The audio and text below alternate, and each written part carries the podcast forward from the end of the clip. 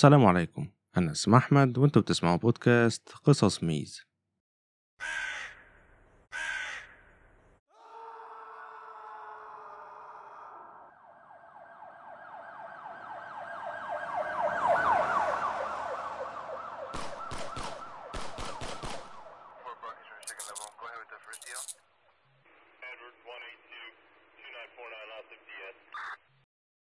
أهلا بيكم في الحلقة رقم 14 من الموسم الجديد من قصص ميز.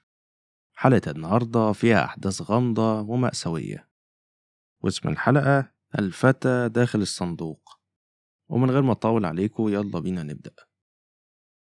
في يوم 25 فبراير سنة 1957 عثر على جثة طفل في صندوق في مكان خاص للتخلص من النفايات قريب من طريق اسمه طريق بوري في فيلادلفيا.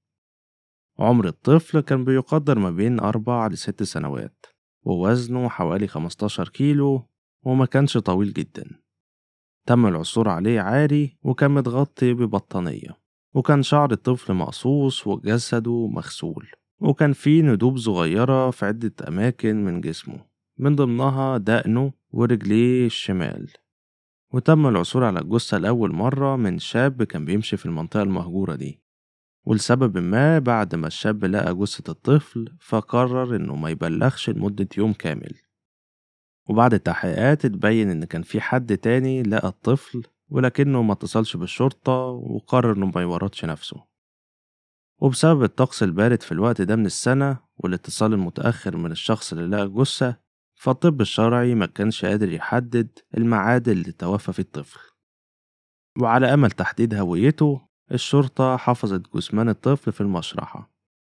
وبعد وصول الكتير من الزوار من أكتر من عشر ولايات في محاولة تحديد هوية الطفل عن طريق البحث عن أي علامات مميزة في جسمه ما قدروش يوصلوا لأي حاجة جديدة. الشرطة بعتت آلاف المنشورات بتحمل صورة الطفل لمراكز الشرطة ومكاتب البريد والمحاكم في جميع أنحاء البلد. ولكن ده ما أداش لاكتشاف هويته برضه. الشرطة قارنت آثار قدميه بسجلات المستشفى في المنطقة وخدوا بصمات صوابعه ولكنه ما تمش العثور على أي سجل بيثبت وجود الطفل ده. الجثة لما لقوها كانت جوه صندوق وبعد تحقيق الشرطة في موقع الجريمة لقوا دليل. الدليل كان جاي من الصندوق نفسه لما لقوا رقم متسلسل موجود على الصندوق من بره. وبعد تحديد الشحنة وتتبع المحققين ليها اكتشفوا إنها جاية من محل على بعد 30 كيلو متر وإنه كان من المفروض إن الصندوق ده مشحون فيه سرير للأطفال. والمحل بعد ما طلع السجلات بتاعته كان موضح إنه شحن أكتر من 12 صندوق من الصناديق دي. ولكن جميع الناس اللي اشتروا الصناديق دي كانوا دفعوا فلوس نقدا من غير ما يسيبوا أي سجلات وراهم. وبعد الشرطة ما حطت طلب في الصحف إن الناس اللي اشتروا من المحل ده يتواصلوا معاهم ففي حوالي تمانية من المشترين قروا القصة وتواصلوا مع الشرطة وقالوا لهم إن هم لسه مازالوا محتفظين بالصناديق بتاعتهم. وبعد التحقيقات المستمرة والبحث عن المشترين ما كانش فيه أي نتيجة جديدة. بعد كده تم فحص البطانية اللي كانت موجودة مع الطفل من قبل معهد فيلادلفيا للنسيج. واللي اعتقد إن البطانية ممكن تكون اتصنعت في كندا أو في ولاية نورث كارولاينا ولأن تم تصنيع الآلاف منها فما كانش في طريقة إنهم يوصلوا بشكل محدد للمكان اللي جت منه. وبرضه دليل البطانية موصلش لأي نتيجة جديدة. ولكن في المكان اللي لقوا فيه الجثة وعلى بعد أمتار قليلة من الصندوق لقوا طاقية لونها أزرق مصنوعة من شركة اسمها Eagle Hat and Company مرمية في الأرض. وبعد التحقيق والوصول لمصنعة الطاقية كانت ست اسمها هانا روبنز موجودة في جنوب فيلادلفيا. وبعد التحقيق معاها اتذكرت الست إن الراجل اللي اشترى منها الطاقية كان راجل أشقر وبيتراوح عمره من 26 ل 30 سنة ودفع تمنها كاش وإنها ما شافتوش مرة تانية. وبعد محاولات الشرطة للوصول لصاحب الطاقية ففشلوا. وأصبحت هوية الطفل المجهولة واحدة من أكتر الأسرار غموضا عند الناس. وبدأوا يعرفوه باسم الفتى داخل الصندوق. وبدأت النظريات.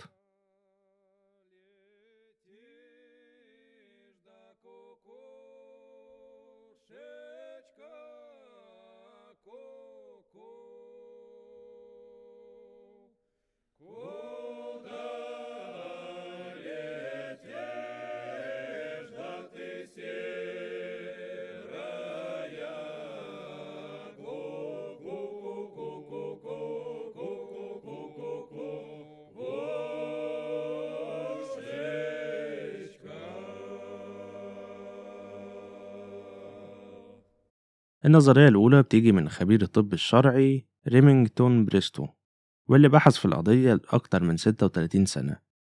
بريستو جمع مقتطفات من الصحف اللي بتتكلم عن الولد وسافر لولاية أريزونا وتكساس عشان يدور على معلومات جديدة.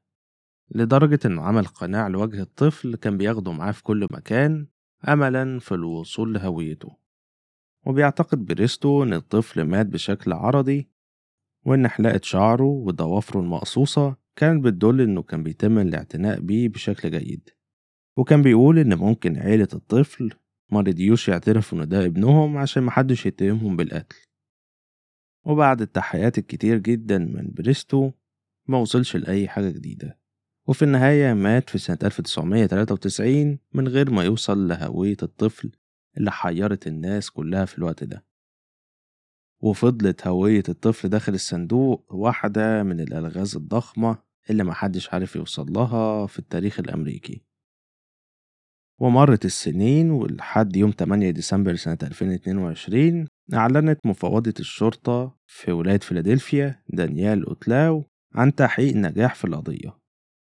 وقالت إن الطفل اللي عثر عليه ميت في سنة 1957 كان جوزيف أغسطس زارييلي. وقالت إن الناس ما نسيوش قصة الطفل ده لحد دلوقتي.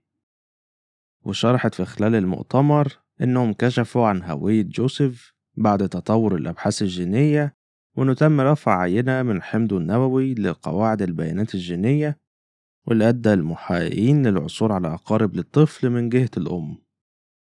وبعد البحث في سجلات الولادة تم التعرف على والدته وتم الكشف إن والدته عندها تلات أطفال تانيين. وتبين إن جوزيف اتولد في 13 يناير سنة 1953 وده معناه إنه كان عنده أربع سنين لما عثروا على جثته. ورفضوا إن هما يعلنوا أسماء العيلة أو اسم والدته أو أشقائه احتراما ليهم. ورفضوا يعلنوا عن أي حد مشتبه فيه في قتل الطفل. وقال إن هما لحد دلوقتي بيدوروا في القضية وبيدوروا عن مين ممكن يكون قتله. قصة الطفل ده سرت مشاعر ناس كتير جدا ومحدش يعرف ليه ممكن واحد يقتل طفل عنده أربع سنين ويرمي جثته بالمنظر البشع ده. ولكننا لحد دلوقتي ما نعرفش بالظبط إيه اللي حصل لجوزيف.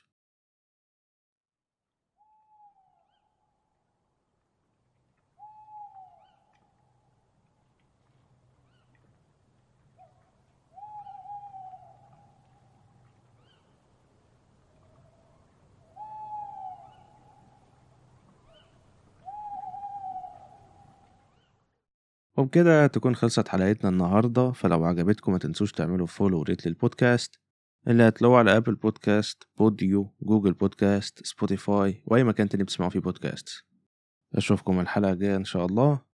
سلام.